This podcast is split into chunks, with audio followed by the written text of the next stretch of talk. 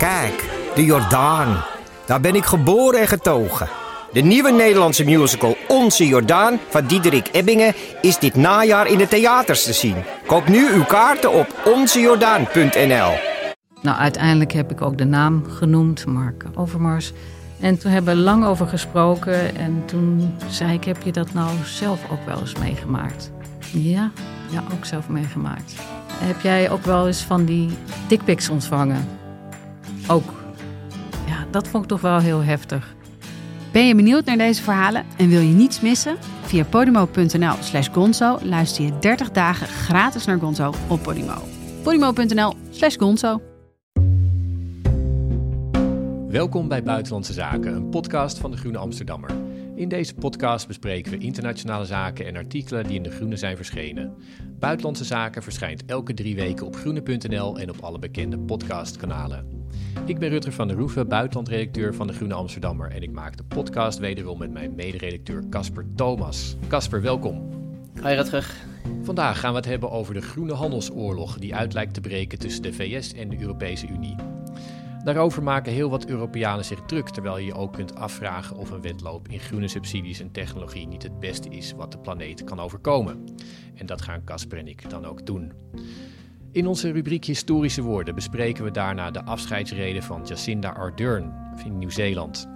Zij nam afscheid als premier op een manier die volgens ons nog lang besproken gaat worden. En daarna spreken we over Duitsland en dat gaan we doen met Merlijn Schoneboom, freelance correspondent onder meer van de Groene Amsterdammer in Berlijn. We gaan het hebben over de manier waarop Duitsland leiding geeft aan Europa. Duitsland is het enige land dat dat kan doen en de Duitse kanselier Scholz wil die verantwoordelijkheid ook nemen, zei vorig jaar na de Russische invasie van Oekraïne. Veel Europeanen ergeren zich sindsdien behoorlijk over de manier waarop Duitsland dat wel of niet doet. Maar vanuit Duitsland gezien ziet het er heel anders uit, legt Merlijn Schoneboom ons uit. Eerst gaan we het dus hebben over de groene handelsoorlog, waar de VS en de Europese Unie op afstevenen. Ja, dat is heel goed. Ik neem even, even over en dat doe ik, want we hebben een artikel deze week in De Groene. Dat uh, volgens mij ben je nog de laatste hand aan het leggen terwijl we deze podcast aan het opnemen zijn, uh, Rutger. Ja, dat klopt. Maar ik ben heel blij dat we dit onderwerp hebben uitgekozen, want het is eigenlijk een beetje een, een onderbelicht uh, thema, heb ik het idee, in de Nederlandse media. Um, inderdaad, een, een, een oplopend conflict tussen de VS en Europa als het gaat over hoe de economie te verduurzamen. Rutger, jij als, als, als auteur van dat stuk, misschien moet jij heel even uitleggen wat het is. Wat is er aan de hand? Wat is die groene handelsoorlog? Ja, inderdaad, uh, uh, ik wilde graag hierover schrijven, omdat de manier waarop er in uh, dit onderwerp wordt wel besproken in kranten, zie je, en, en op de radio en zo. Maar wat er gebeurt is dat het uh, steeds wordt besproken vanuit het, het oogpunt dat Europa zich zou moeten beschermen tegen, tegen subsidies van de Verenigde Staten die dan schadelijk zijn voor Europa. Maar het gaat over groene subsidies en Europa is de, ja, de groene wereldleider van de wereld. Dus dat is op zich een beetje curieus. En ik denk dat het belangrijk is om te begrijpen dat er een veel breder verhaal speelt. Dus nou, wat is er gebeurd? In augustus heeft uh, Joe Biden na een, een, jaar eindeloos onderhandelen een uh, klimaatwet door, de, de, door het congres gekregen. Daarbij gaat ontzettend veel geld naar uh, groene technologie. Um, nou ja, heel Europa was op vakantie en die vond het daar op vakantiebestemming allemaal te gek. Maar toen uh, iedereen terugkwam, toen gingen ze die wet lezen. En toen bleek dat er heel veel subsidies gingen naar uh, groene technologie als die in Amerika was gemaakt. Nou, daar waren heel veel Europeanen boos over. Die zagen dat als een manier om groene banen te stelen. En dat was een slecht moment, zou je kunnen zeggen. Want ja, westerse solidariteit is nu heel belangrijk. Dat vindt iedereen vanwege die oorlog in Oekraïne. En het is ook ja, bijzonder dat het Westen zo solidair heeft gereageerd. Maar die komt dan nu onder druk te staan als de Verenigde Staten zeggen van nou, we zijn allemaal vrienden, maar ondertussen uh, stelen we wel jullie banen, zeg maar. Dus in Europa is daar uh, veel over te doen. Um, maar wat Joe Biden zegt is, ja, Europeanen, maken jullie dan gewoon jullie eigen subsidie en dan kunnen we allemaal weer door één deur. En dat stuit in Europa in op problemen, omdat Europa gewoon ingewikkeld in elkaar zit en niet zo snel kan schakelen. Dus. Uh, het... Nou ja, het, het, het stuurt, stuurt ook op politieke problemen, daar komen we zo meteen nog wel even op. Maar uh, Rutte is een van de, de, de blokkades voor een, een, een, nieuwe ronde groene subsidies in Europa. Maar misschien moeten we dat doen, daarover gaan hebben nadat we nog even één keer ook dit vanuit het Amerikaanse perspectief een beetje bekeken hebben. Want ik heb in die tijd dat ik in Amerika zat, heb ik echt heb ik een beetje de aanloop gevolgd van, van, van die, dat pakket waar Amerika mee naar komt. Het heet inderdaad de Inflation Reduction Act. Het, klinkt alsof het gaat om inflatiebestrijding, maar dat is inderdaad maar, is gewoon een cosmetische naam. Maar wat er inderdaad, het is eigenlijk de, de, de vervulling van een campagnebelofte, een van de belangrijkste campagnebeloftes van, uh, van Biden. Namelijk, als ik president word, dan gaan we weer meer in Amerika maken. En het interessante is, de, Bidens voorganger Trump heeft eigenlijk precies dezelfde campagnebelofte gedaan. Als ik president word, dan komen de banen in de industrie terug. Dan gaat de, de, de Amerika's werkende klasse, die, die echt dingen maakt, uh, die, die krijgt het een stuk beter. De werkgelegenheid neemt toe. Nou, onder Trump is het allemaal niet gebeurd. Dat is een holle belofte gebleken. En Biden heeft gezegd, ja, ik ga er echt werk van maken. En, en, voor mij was het echt gisteren of eergisteren dat Biden dat nog even op Twitter zette. Van, uh, ik ben president geworden met één belangrijke belofte. Made in America. En uh, wat, je, wat je moet beseffen is dat dat heeft een dubbel doel. We hebben het nu over een groene handelsoorlog en, en, en groene subsidies. Dus inderdaad, die verduurzaming van de Amerikaanse economie is heel belangrijk. Dus dat geld gaat inderdaad naar uh, elektrische auto's, zonnepanelen, allerlei vormen van, van duurzame technologie. Maar minstens zo belangrijk is dit is, het is een Inflation Reduction Act. Het is ook een, um, een, een Populism Reduction Act. Want wat Biden wil doen, die wil eigenlijk de economische onvrede die aan de basis ligt vaak van, van, van een stem op, uh, nou, destijds op Trump, maar ook op andere mogelijke rechtspopulisten. Die economische onvrede daar eigenlijk, die, dat, die, die zich een uitdrukking vindt in, een, in, in, in die stem, die wil hij proberen weg te nemen. Dus ook vanuit dat perspectief, en ik ben benieuwd hoe jij daarover denkt, Rutger, zou dit een, een, een plan in Europees belang zijn? Want ik neem aan dat het uh, Europa ook wel wat aangelegen is dat er niet straks weer een, een, een Trump-achtige president of Trump zelf zit.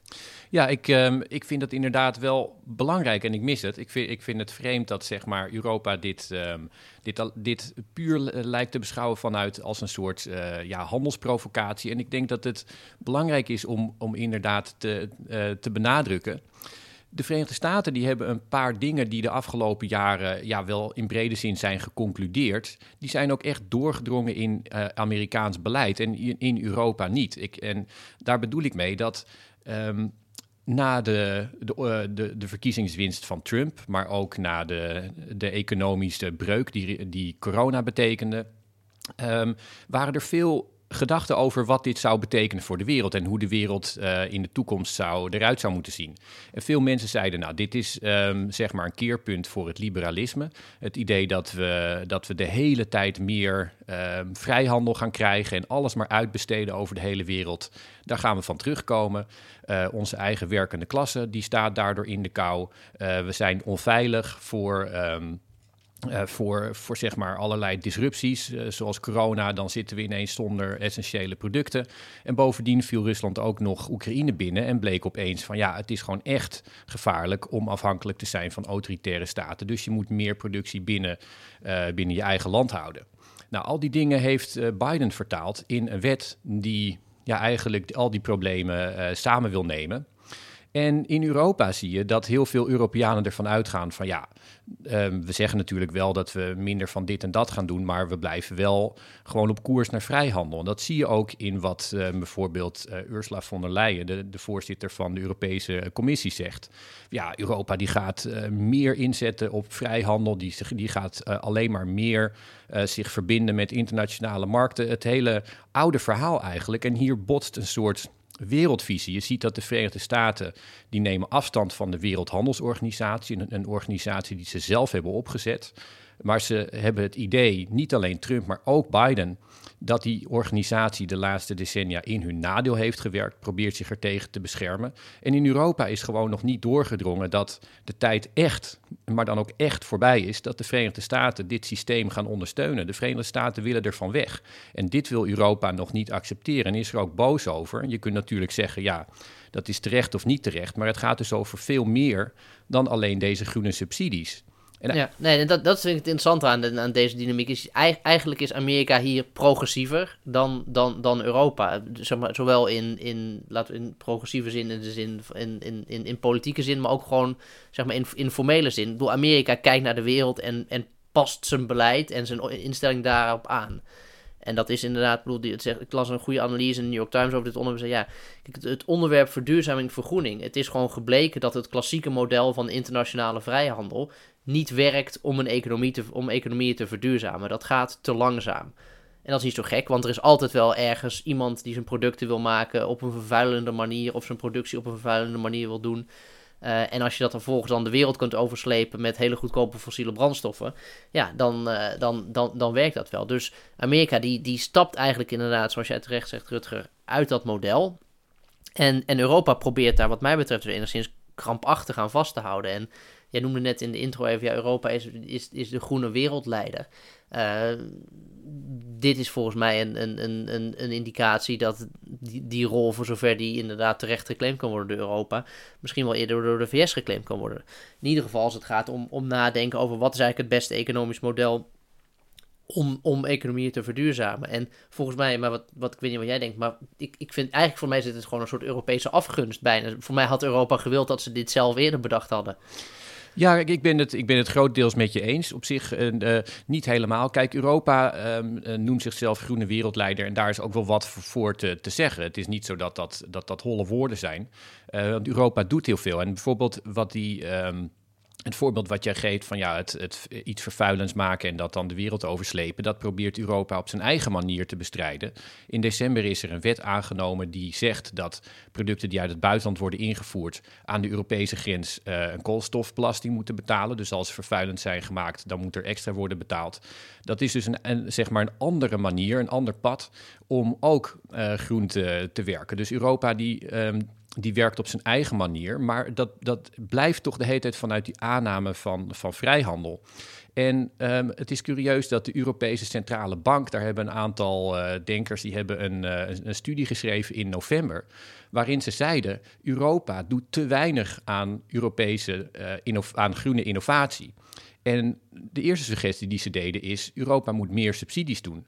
Moet meer subsidies geven voor groene innovatie. Er wordt meer uh, geïnnoveerd in de Verenigde Staten, meer geïnnoveerd in Japan. En het is gewoon maf dat Europa zo achter ligt. Dus um, wat, wat nou voor de hand zou liggen, is dat Europa, Europa inderdaad dit, uh, dit terrein opstapt. Zegt, ja nee, natuurlijk, wij gaan ook subsidies hiervoor doen en probeert een coördinatie te vinden met de VS. Het is heel irritant dat de Verenigde Staten hierin alleen gaan. Maar ik denk dat uh, zeg maar het, het wel echt belangrijk is dat Europa beseft dat dit niet een, een soort zeg maar, meningsverschil over een bepaalde wet is. Maar dat dit gewoon een, een wereld is die voor ons ligt en die niet veranderen gaat. Ja, ja en, en hetgeen dat Europa hier volgens mij over het hoofd ziet, althans een, een deel van Europa, we kunnen hierna even differentiëren over hoe de verschillende Europese leiders erin staan, maar is dat het, dat het dus ook echt verbonden is met een werkgelegenheidsvraagstuk. Ik, wat, ik, wat ik hier aan zie is dat, dat Europa denkt een beetje in een soort mondiaal abstracto over verduurzaming. Alsof, het dus, alsof de economie een soort concept is en, en, en, en eigenlijk geen, geen verbinding heeft met, met de plek waar het daadwerkelijk moet gebeuren. En dat heeft de VS op dit punt wel door. Die zegt ja, verduurzaming en werk en, en goede banen voor mensen die daadwerkelijk ergens wonen, dat, dat gaat hand in hand. En die, die koppeling heb ik in Europa gewoon nog onvoldoende sterk gemaakt zien worden. En dat is waarom ik in dit geval dus wel een beetje in, in kamp VS zit. Uh, omdat, ik, omdat ik eigenlijk hoop dat Europa dat, dat nadoet. En terwijl wij hierover aan het, uh, aan het bomen zijn, is er volgens mij een, een, een, een, een meeting gaande tussen, tussen Macron en, uh, en Rutte. Want Macron is eigenlijk bijna stel op sprong naar Nederland gegaan om uh, aan Rutte's jasje te trekken. Om te zeggen: hey, ga, ga toch niet dwars liggen als wij uh, Amerika proberen na te bootsen op dit vlak.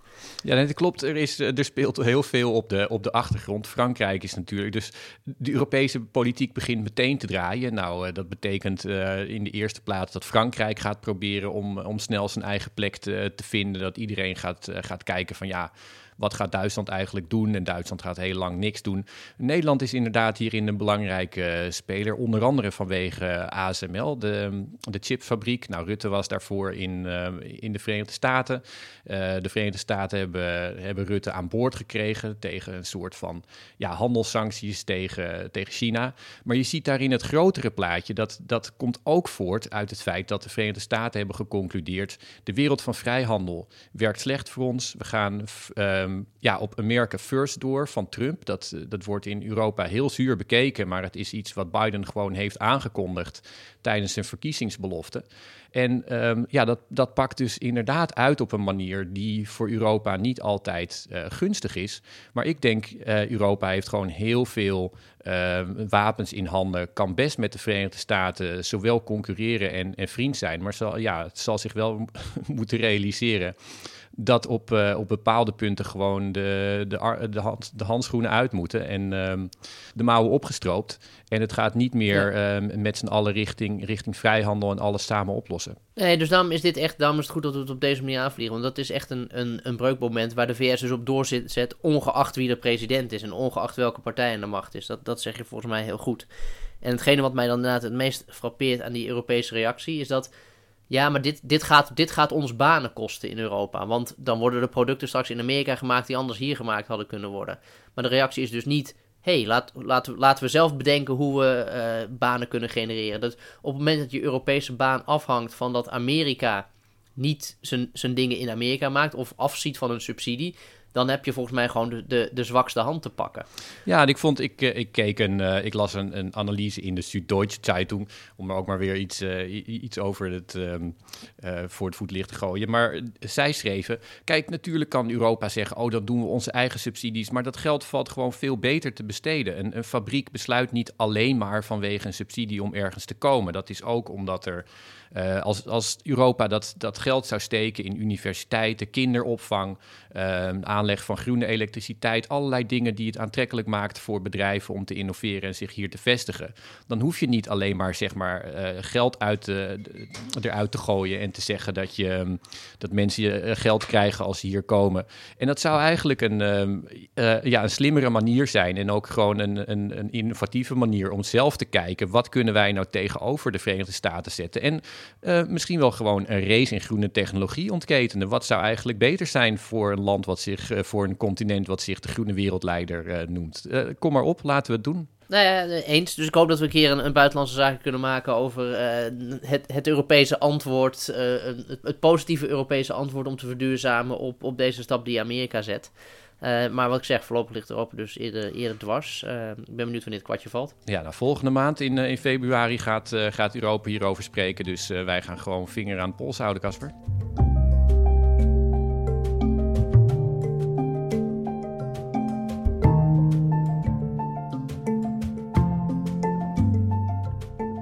En dan nu historische woorden, onze rubriek waarin we een citaat bespreken van een politicus uit de afgelopen weken dat zomaar historisch zou kunnen worden. Deze week luisteren we naar Jacinda Ardern, sinds vorige week de ex-premier van Nieuw-Zeeland. I am leaving because with such a privileged role comes responsibility. The responsibility to know when you are the right person to lead and also when you are not. I know what this job takes, and I know that I no longer have enough in the tank to do it justice. Tja, Jacinda Ardern zegt hier dat zij aftreedt en dat ze dat doet omdat ze simpelweg uh, niet meer genoeg in haar tank heeft. Ze weet wat het neemt, uh, wat deze uh, baan vereist en ze heeft niet meer in de tank om genoeg om dat te doen. Caspar, hoe luister jij hiernaar? Ja, ik, ben, ik was eigenlijk enigszins verwonderd dat we deze hadden uitgekozen voor historische woorden. Ook al sta ik wel volledig achter de keuze hoor, daar niet van. Um, want volgens mij zijn de woorden niet zozeer historisch, omdat de, de uitspraak zelf nou zo, zo, zo baanbrekend of poëtisch of, of, of bijzonder was. Maar het is meer dat de reactie die het heeft losgemaakt. Uh, dat, dit, dat, dit, dat dit blijkbaar als iets heel significants wordt gezien. Dat een, een, een, een machthebber er eigenlijk vrijwillig mee ophoudt om te zeggen: Weet je, ik ben gewoon, ik ben gewoon op. En uh, ja, dat, je kunt je afvragen waarom, waarom is dat zo bijzonder. Ik denk dat er ook al een klein Nederlands smaakje aan zit. Dat we zelf natuurlijk in een situatie zitten waarin die, die conclusie van uh, de, de hoogste baas, uh, politiek gezien althans, in ons land het tegenovergestelde lijkt te bepleiten. of, of, in ieder geval een tank heeft waarvan hij zelf vindt dat hij nooit leeg raakt. Dus dat is, dus ja, ik, ik vraag van, ja, wat is nou precies de, de, de essentie? En ik heb er zelf natuurlijk wel een klein beetje over nagedacht. En het gaat er natuurlijk ook over. Kijk, uh, Ardern heeft natuurlijk een hele agenda in Nieuw-Zeeland gehad. Die gaat van, het, het leven draait niet alleen maar om meer, meer groei, meer productie, meer spullen, maar om welzijn. Dat moet de belangrijkste indicator zijn. En door dit te doen, uh, zet, ja, zet ze eigenlijk een streep onder die, onder die politieke inzet. En ik denk ook voor de waardering en, en, en het belang daarvan dat, dat er zoveel interesse is voor haar woorden. Ja, ik denk dat dat dieper gaat, Casper. Ik denk dat um, wat zij zegt is inderdaad uh, in de oppervlakte zegt ze, nou, ik, uh, ik, ik, trek het, ik trek het niet meer, ik ga weg. Maar als je het, um, uh, als je het breder trekt, dan zeg je, wat is nou de essentie van democratie? Of wat is de essentie van, van, van goed bestuur? En daarvan, als je, als je terugkijkt helemaal tot aan, tot aan de Romeinse tijd of de Grieken, dan is het probleem altijd, hoe krijg je mensen weg als ze hun taak hebben gedaan. Nou ja, de Romeinen deden dat door een dictator te benoemen voor een jaar. Die moest dan weg. Uh, nou ja, dat, dat, liep natuurlijk mis, dat weet iedereen. Um, maar het, het, opstappen van een leider, dat is het probleem. Het is niet zozeer een probleem om een nieuwe leider te krijgen, dat is zo gedaan. Maar hoe laat iemand de macht los? Nou, daar is democratie voor, uh, voor inge, ingesteld. En de, de test van een democratie is of er een, uh, een vreedzame machtsoverdracht is. Nou, die test die zie je in allerlei landen falen. En daarom is het significant dat, iemand kan, dat er iemand is die duidelijk zegt: Ik heb het gedaan en ik, sta, en, en ik stap op. En je ziet in in allerlei landen dat mensen zich, zodra ze op het plusje zitten, uh, vinden dat ze onmisbaar zijn. Dat hun land gewoon absoluut niet zonder ze kan. En allerlei dingen blijven doen om, uh, om daar te, te blijven zitten. Dus het, het vrijwillige opstappen is inderdaad, zou je kunnen zeggen, niet zo bijzonder. Behalve dan als je gaat kijken naar hoe het in de wereld werkt. Namelijk dat bijna iedereen die op die plek zit, vindt dat hij daar tot in lengte vandaag zou moeten blijven. Nee, nou, ik vind, ik vind het mooi dat je, dat je dit aan de klassieke oudheid hebt weten terug te breien. En, en, en hebt weten te linken aan ook een van mijn favoriete thema's. Uh, de strijd tussen democratie en autocratie in de wereld. Dus vanuit dat perspectief, uh, inderdaad, te, terechte historische woorden. Of zouden we misschien eerder moeten zeggen een historische daad. Want dat is natuurlijk eigenlijk waar het om gaat. Het probleem is dat we hebben hier vaak over woorden. Uh, en, en, en de vraag is altijd even: uh, zijn ze hol of, of, of, volgt er ook daadwerkelijk actie? Dus in dit geval, de combinatie van die twee maakt dat het extra terecht is dat dit uh, besproken wordt als, als dusdanig bij de eens. En ik vraag me toch ook af dat. Um, er heeft, is een hele discussie ontstaan over: is dit nou typerend voor de vrouwelijke leider? Misschien zowel in positieve als in, als in negatieve zin, misschien. Uh, en, tegelijkertijd, dan zijn er ook weer meteen natuurlijk mensen die zeggen, ja, die, dat die lijn van de discussie, die doet niet ter zake. Um, dus misschien, uh, ik weet niet of we daarop door moeten gaan, of jij daar nog gedachten over hebt, of misschien moeten we het gewoon laten bij het feit dat dit inderdaad een, een democratische daad is in een, in een wereld waarin dat zeldzaam is. Jazeker, nee, ik vind, het, ik vind het wel een belangrijk thema om over te hebben. Want je zag in, in sommige kranten inderdaad uh, uh, commentaren staan van... zie je wel, vrouwelijke leiders kunnen niet alles hebben. En ik vind het wel belangrijk om, om daar nog even over te hebben. Want volgens mij is dat absoluut niet de, de conclusie hiervan. Ik bedoel, Jacinda Ardern heeft, uh, heeft een kind gekregen terwijl ze premier was. Heeft juist bewezen dat het wel kan. Dus ik vind het ja, belangrijk dat zij, dat ze het heeft gedaan. Ik vind het dat, dat ze met, met klasse opstapt.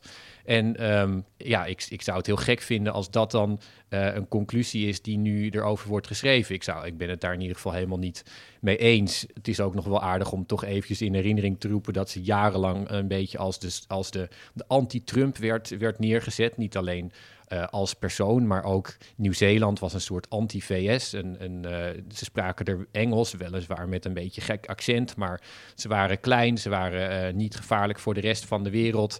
Um, en ze hadden een hele um, sympathieke vrouw als, als leider in plaats van die bullebak die, um, die je niet vertrouwen kon. Dus zij is, uh, heeft zowel geregeerd als een soort anti-Trump en is ook opgestapt op een uh, manier die volstrekt anders is dan hij. Dus ja, dat heeft ze in stijl gedaan. Politieke carrière met een gouden randje. De, de vraag is waar we haar uh, terug gaan zien, Jacinda Ardern. Dus dat misschien historische woorden in een, in een nieuwe rol.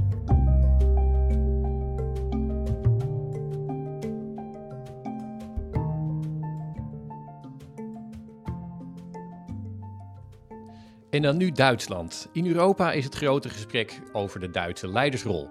Want Duitsland moest die leidersrol gaan nemen in de oorlog in Oekraïne, maar deed dat uh, eigenlijk heel erg laat, althans volgens de smaak van veel Europeanen. Oekraïne had gevraagd om Duitse tanks en Duitsland leverde ze niet alleen, maar hield ook de levering tegen van andere landen en dat leidde tot veel vrevel. Ze zijn nu uiteindelijk wel toegezegd, maar we gaan toch spreken met Merlijn Schoneboom, correspondent van De Groene in Duitsland. Merlijn, welkom. Hallo Rutger, bedankt voor de uitnodiging. Het is een hele korte intro, maar in ieder geval, ik, eh, ik hint al op het Duits uh, over het ongemak in Europa met de Duitse leidersrol en de, ja, het gevoel dat Duitsland het eigenlijk heel erg traag uh, oppakt. Um, ja, is dat zo? Is dat, is het iets wat in Duitsland ook zo wordt gezien en ook wordt beschouwd als een, uh, als een probleem? Of is het zo dat, wat ik ook wel heb gelezen, dat in Duitsland wordt gezegd van nou, dat heeft Scholz eigenlijk maar heel goed aangepakt, want nu zijn er veel meer landen die ook hun eigen tanks willen gaan geven? Nou ja, het hangt er inderdaad vanaf met wie je spreekt hierover. Scholz zelf zegt inderdaad precies dat laatste. Hij heeft gelaveerd en, en ge, uh, diplomatiek onderhandeld. Hij heeft achter de schermen zijn best gedaan om één ding te bereiken, zegt hij. En dat is geen alleingang. Duitsland mag zoiets niet alleen beslissen. Hij moet een bondgenootschap voor elkaar krijgen. Dat is de reden waarom hij zo heeft uh, geaarzeld. En het woord aarzelen zal hij zelf natuurlijk niet gebruiken. Maar als je gek genoeg um, bij de Groenen bijvoorbeeld, uh, in, die ook in de regering zitten, is daar al maanden uh, te horen dat dit te langzaam gaat. Dus vanuit de regering zelf, vanuit de, de, de, de progressieve kant, meer de, de linkerkant ook van de Groenen, wordt er gezegd: dit had veel sneller moeten gaan en Duitsland moet daar voorop lopen. Dus het hangt er inderdaad vanaf met wie je spreekt. Maar het is inderdaad waar dat Scholz zich nu uh, ja, als een winnaar van dat debat uh, op heeft geworpen. En als je ja, een paar feiten bij elkaar zet, dan, dan heeft hij ook wel uh, iets voor elkaar gekregen. Namelijk, de grote angst in Duitsland is de angst voor de escalatie.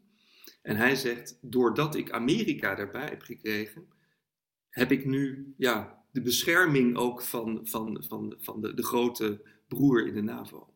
Ik zie, ik zie het toch eerlijk gezegd wel een beetje als een uh, zeg maar goed praten achteraf. Het, het lijkt er van de buitenkant toch op, eigenlijk op dat, dat Duitsland gewoon absoluut niet voorop wil lopen. En Scholz is er, is er een soort van um, ja, ver, verpersoonlijking van um, heel Europa kijkt naar hem. Het is al eigenlijk maanden duidelijk dat die tanks op een bepaald moment gaan komen. Maar hij blijft gewoon echt naar links en naar rechts kijken. Tot, tot hij zeker weet dat iedereen een stapje naar voren heeft gezet.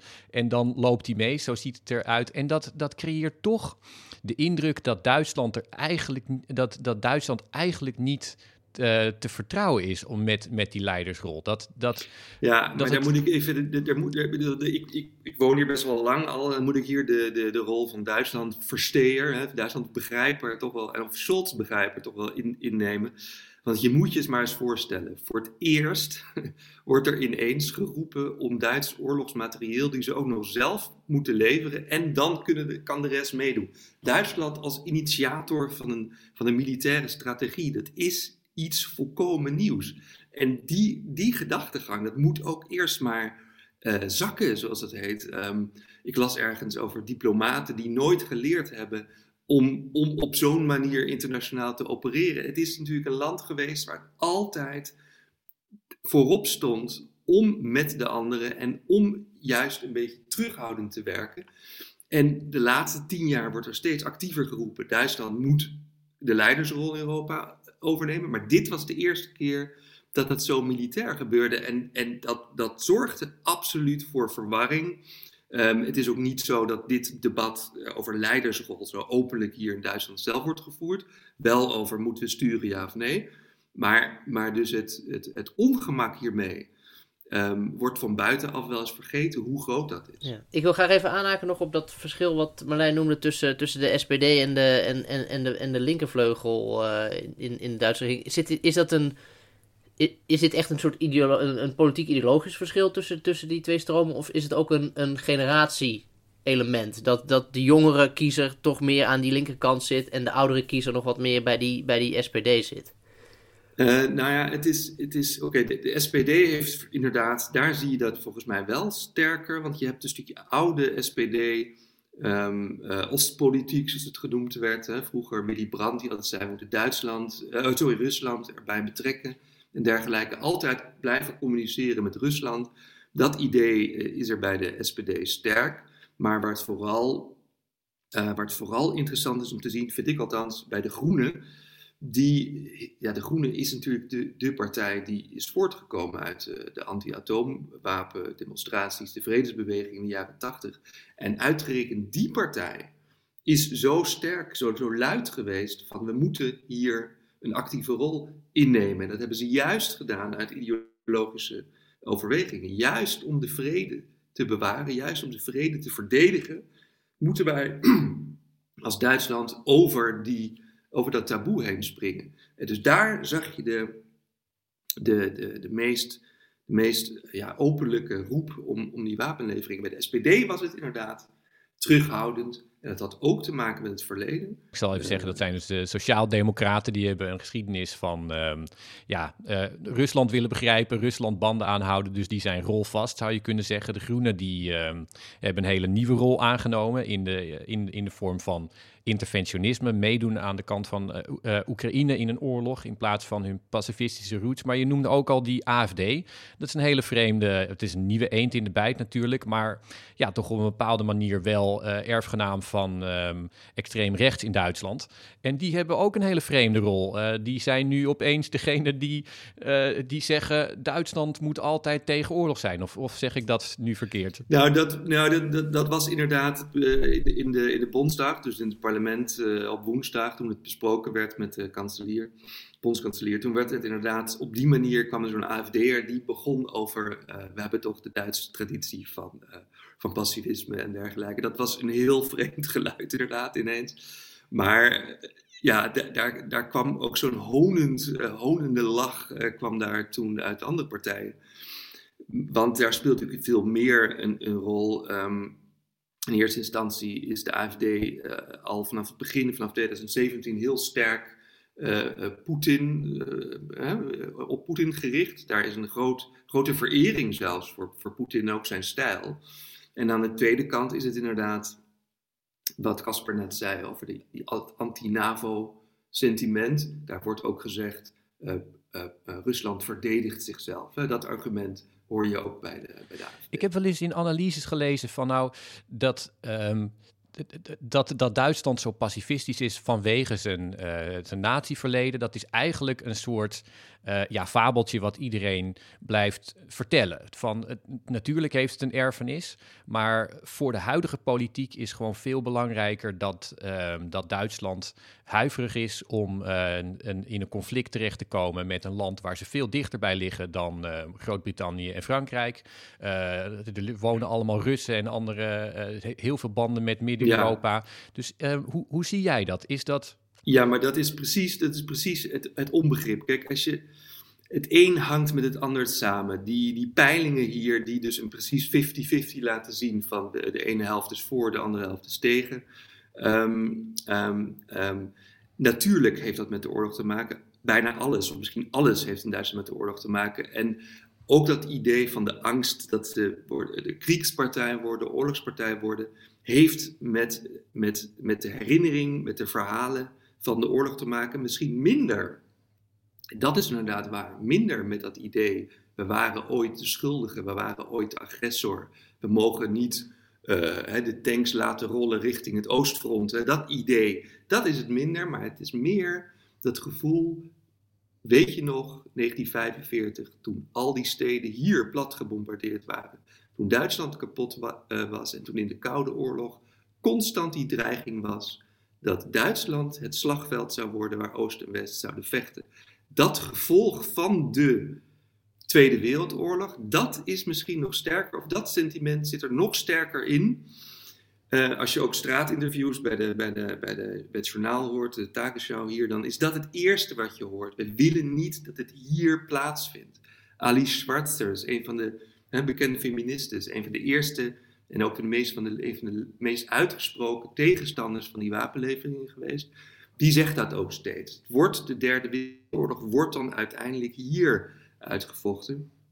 En dat kan je niet loskoppelen van de Tweede Wereldoorlog, maar het is dan het gevolg van die Tweede Wereldoorlog geweest. Duitsland. Daar, eerst... daar zit dus wel de, de, de aanname bij dat, dat, dat, dat het bij Oekraïne op zou houden uh, van, vanuit Russisch perspectief. Ja. ja, je bedoelt dat nu, nu oh ja precies. Dan, ja, nou inderdaad. Het, het idee, we moet, er moet nu een, een duidelijk, een duidelijk, um, een duidelijk grens getrokken worden, zodat er niet wordt gedacht, hè, we, we, kunnen gewoon doen wat we willen Rusland. Dat is natuurlijk nu de andere, de, de andere stem. Ja. En ehm, die, die ergernis, hè, ik schetste die al, dat, die leeft bijvoorbeeld bij Polen, bij, bij Baltische landen, die willen dat, uh, dat Duitsland meer doet. Heb jij het idee dat in Duitsland die, um, die ergernis in sommige andere landen uh, met de, de Duitse leiderschap of hoe Duitsland leiding neemt, dat die ergernis wordt gezien? En heb je ook het idee dat het, um, dat het in de Duitse politiek, dat het, uh, dat het mensen zoals Scholz um, of, of anderen ook echt um, veel kan schelen of niet? Ja, kijk, het kan natuurlijk wel, wel schelen. Het, is, nou, zoals ik al zei, het is, het is, nieuw. Hè? Het is althans nieuw, het is tien jaar uh, speelt dit nou? Het begon bij de, bij de, bij de, bij de, de eurocrisis, de Griekenlandcrisis. Toen begon het idee, Duitsland moet een leidersrol uh, aannemen. maar eigenlijk is het vanaf de hereniging van Duitsland het thema geweest. wat moet een groot Duitsland in Europa? Hoe stelt het zich op? Um, en het is elke keer wordt er natuurlijk gedrukt van buiten hoe Duitsland zich, moet, zich zou moeten gedragen. Maar men weet hier ook dat als ze te actief of te um, uitgesproken zijn, het ook weer niet goed is. Dus dat laveren, dat is ook, ja, het is wel iets wat, wat, wat men hier leert en wat het ook wel begrijpelijk is. En, maar in het debat zelf, in het land zelf, is het, is het veel minder uitgesproken en je leest er ook veel minder over. Het is veel minder, minder het idee van, oh, moeten we nou leiden, ja of nee, dan dat er gezegd wordt, oh, de, uh, de bondgenoten zijn boos op ons. Dat, dat lees je eerder. Het is, het is minder het gevoel eh, wij zijn degene die voorop moeten lopen. Ehm, eh, dat is onze nieuwe rol. Dus meer, oh, uh, nu zegt Amerika dat we niet genoeg doen. Frankrijk, Engeland, dat, dat lees je. Nederland komt hier trouwens niet, niet, niet in voor, dit ja. verhaal. Ik heb nog wel een, nog een vraag eigenlijk die een beetje doorgaat op, die, op de Duitse-Amerikaanse band. Want het, het, het, het, grote verschil lijkt nu te zijn dat, laten we zeggen, toen, toen Merkel er nog zat, uh, koos Merkel heel erg een lijn eigenlijk tegen, de, tegen wat Amerika wilde in. Uh, door, door de banden met Rusland in stand te houden, door uh, het energie te blijven afnemen. Uh, nu, de, goed, dat, dat, dat, dat hoofdstuk is gesloten na, alle, na alle sancties, zou je kunnen zeggen. En nu zoekt Duitsland dan een, een, een, ook een, een strategische rol waarin ze coördineren met Amerika. Ze hebben, hebben het punt bereikt dat, dat, dat Duitsland zich eh, in, definitief in het, of nou ja, definitief niet, weten we nooit natuurlijk, maar wel echt in het Amerikaanse uh, kamp of in het Amerikaanse spel heeft geplaatst? Ja, dat lees je inderdaad nu. Dat klopt. En dat is inderdaad een, um, juist voor die SPD, voor een SPD-kanselier, is dat inderdaad een heel duidelijke, uh, een duidelijke stap geweest. En voor hem is, en voor hem en zijn partijgenoten is dat ook een uh, iets nieuws. En die, er is ook net een, zo'n rapport uh, binnen, binnen de SPD verschenen. Waarin dus niet meer uh, de, de, of de, de oude Oostpolitiek was. We doen het met Rusland. Nu staat er, of dan voor, we doen, het, we doen het met Rusland. Maar nu is het, we verdedigen ons ook tegen Rusland. Dat is een nieuwe lijn binnen die SPD. En dat betekent inderdaad, we moeten het met Amerika doen. En uh, Scholz die, presenteert dat nu ook. We doen het nu samen met Amerika. Die staat nu achter ons. Uh, tegelijkertijd is dat natuurlijk is dat ook weer een. Uh, dat is ook weer, daar is dan wel weer veel kritiek op, maar op een andere manier dan vroeger, inderdaad. nu wordt er gezegd, hij kan het alleen met Amerika. Hij doet het niet alleen, hij doet het alleen met Amerika achter hem. En tegelijkertijd wordt er vanuit Amerika gezegd, hij heeft Biden ertoe ja, een beetje gedwongen dat hij nu meedoet. Want Biden wilde eigenlijk ook niet, niet zo graag. Maar Scholz zelf ziet het als iets wat hij voor elkaar heeft gekregen. Ja, en dat het een nieuwe, nieuwe richting is. Ja. En ja, er wordt in Duitsland ook heel uh, ook vaak gezegd van nou. Um, Scholz die redeneert veel meer dan anderen vanuit het, vanuit het idee we moeten uiteindelijk straks weer met, met Rusland uh, verder. En um, dat land is heel groot, dat blijft daar liggen. Uh, deze oorlog houdt ook een, een, keertje op. Is daar in Duitsland, uh, zeg maar, uh, uit, stilletjes toch wel begrip over? Of wordt daar dan toch wel op, in brede kring gezegd... je hebt zelf gezegd, Zeitenwende... Um, wat zien we daar nou van in, in praktijk? Scholz is een van de weinigen die dus nog telefoneert, zoals dat dan wordt beschreven, met Poetin. En deze week volgens mij ook nog. En dat zegt hij ook steeds duidelijk. Hè? Hij, hij houdt dat gesprek vast. Maar eh, met deze beslissing van die, van die, ehm, van die tanks. En nu het volgende, uh, de volgende stap is dat er nu direct al, dat is ook iets wat, wat helemaal nieuw is, direct al wordt gesproken over wat komt er nu. En kunnen die vliegtuigen en misschien die, die onder, onderzeeër uh, nu toch ook komen? Dat was, bedoel, dat was vorige week al nog ondenkbaar. Dus de stappen gaan nu heel snel. En, en nogmaals, nu ben ik weer de Duitsland-begrijper, maar, maar je, moet, je moet je voorstellen hoe snel dat is gegaan binnen een paar maanden. En hoe dat, wat dit ook betekent voor, voor de normale gesprekken. Ik, heb een, een bureau in Kreuzberg. Kreuzberg is een, is een, een linkse alternatief, en, hè, door Groenen geregeerd um, uh, wijk in, in Berlijn. En, en dat daar ineens eh, collega-journalisten zeggen: ja, we hadden sneller die, die panzer uh, moeten sturen en dergelijke. Dat je ineens met, met de progressieve journalisten praat over, over tanks die moeten worden gestuurd. Dat is iets volkomen nieuws in, in, het, in het Duitse dagelijkse leven. En dat er nu de volgende stap wordt gezet. Uh, dat het al normaal is om over het sturen van, van vliegtuigen te praten. Dat is natuurlijk allemaal um, nieuw. Um, ja, en, en dat, dat, ja, je kan dat inderdaad op twee manieren uh, uh, zien. Is het te snel gegaan of te langzaam? Maar het is er nu en het is een nieuwe realiteit. En ook wel interessant toch dat het, Duitse, belangrijkste Duitse export, culturele exportproduct ja. van dit jaar is dan ook nog eens de verfilming van de grote uh, anti-oorlogsroman. Oh, ja, ja. In Westen nee, Neues, die gaat straks wat Oscars winnen. Nou, ik dacht dat je wou zeggen de, de export, want het ex kijk, het is natuurlijk ook het wrange, de wrange realiteit is tegelijkertijd dat Duitsland de grootste of de derde grootste leverancier van oorlogsmaterieel ter wereld is. Hè. Dus er is altijd het dubbele geweest, eh, dus, want ze hebben het spul allemaal. Maar de andere export, inderdaad, in Westen niet nooit.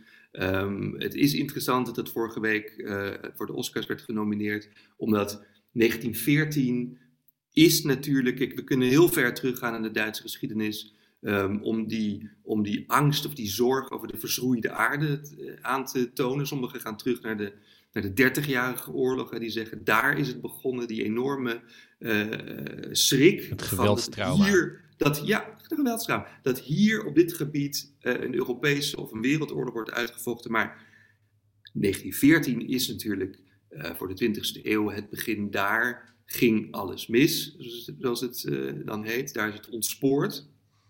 En dat het inderdaad nu samenkomt.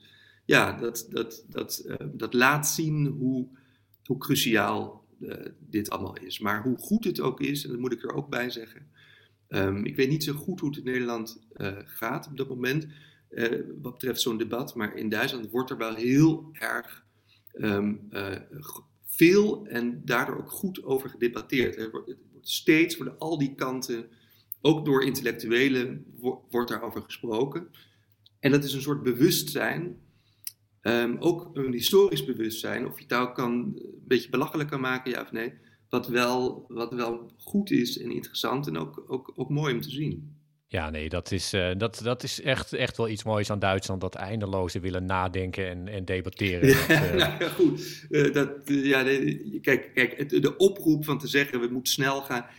en het is te langzaam. Ja, dat politiek gezien voor Oekraïne zeker is dat natuurlijk iets wat je heel goed kan voorstellen. Maar in dit land zelf, dat er dus, dat er dus die, die partijen, dat het besproken wordt, dat er grote, lange artikelen over geschreven worden ja, dat, is, dat, dat, dat uh, betekent wel dat het niet, niet lichtvaardig ja. is. Dat, uh, ja, nee, de ja. denktank ECFR, uh, de Europese denktank, daarin had de politicoloog Krastev, Ivan Krastev, die had vorig jaar al een, um, een, een, opiniepeiling laten uitvoeren en een, en een voorspelling gemaakt waarin dit jaar het jaar zou worden waarin Europa op grote schaal gaat debatteren in tussen een, een zeg maar een pro-vredekamp en een, en een pro-Oekraïne-kamp. waarin uh, een groot debat gaat komen over het voortzetten van die, uh, van die steun. Nou, als ja, er één land is waar we dat uh, kunnen, ja. op kunnen rekenen, dan ja. is dat Duitsland. Maar vanmorgen of dit weekend las ik in Der Spiegel, stond, stond wel, en dat is ook wel typisch over de leidersrol gesproken, dat Er werd gezegd, uh, vorige week maandag waren de bondgenoten nog helemaal niet zo happig op ook het sturen van, van, van tanks. En um, nadat Duitsland dit heeft gedaan, doet onder andere Nederland, hebben nu ook gezegd, we, doen, we sturen nu ook. Dus het wordt ook wel gezegd, er is wel iets losgevrikt, zou ik maar zeggen. Dus in die zin is, kan ik Scholz begrijpen die zegt, zie je wel, ik heb het nu, ik heb iedereen op één lijn gekregen, één lijn gekregen en nu gebeurt er ook wat. Een nieuwe rol, een nieuwe rol is er zeker. In ieder geval kan hij inderdaad met het, uh, het succes achteraf zeggen: ik had het allemaal zo gepland, ik heb het allemaal goed gedaan. Uh, het blijft heel veel stof uh, tot, eh, om over te praten. Nou, Merlijn, eh, hiervoor in ieder geval heel erg bedankt. Ja, hartelijk dank Rutger en Casper. U luisterde naar Buitenlandse Zaken, een podcast van de Groene Amsterdammer. U hoorde Merlijn Schoneboom vanuit Berlijn, Casper Thomas vanuit Limburg en Rutger van der Hoeven vanuit Amsterdam. De podcast werd gemaakt door Giselle Mijndief. Abonneer je op Buitenlandse Zaken via ons eigen kanaal en zet de notificaties aan, dan mis je nooit een uitzending. Meer buitenland kunt u vinden in ons weekblad. Vorige week onder meer in het artikel Moskou aan de Amstel over Amsterdam als vrijhaven voor journalistiek. Afgelopen jaar kozen vele Russische journalisten voor Amsterdam als onderdak nadat ze vanuit Rusland waren gevlucht. En vele andere redacties zoals die van Bellingcat, OCC, RP en het Turkse The Black Sea kozen recent ook al voor Amsterdam. Hoofdredacteuren, presentators en uitgevers komen in dat artikel aan het woord over de redenen om voor Nederland te kiezen. In het nummer van deze week vindt u mijn artikel over de dreigende groene handelsoorlog tussen Europa en de VS. En daarnaast reist Lise Geurts in het voetspoor van de legendarische journalist Martha Gellhorn naar Gastonia, North Carolina. En Lise vindt daar dezelfde armoede waar Gellhorn bijna een eeuw geleden ook al over schreef. Dank voor het luisteren en als u meer van ons wil lezen of abonnee worden van de Groene Amsterdammer, ga dan naar www.groene.nl.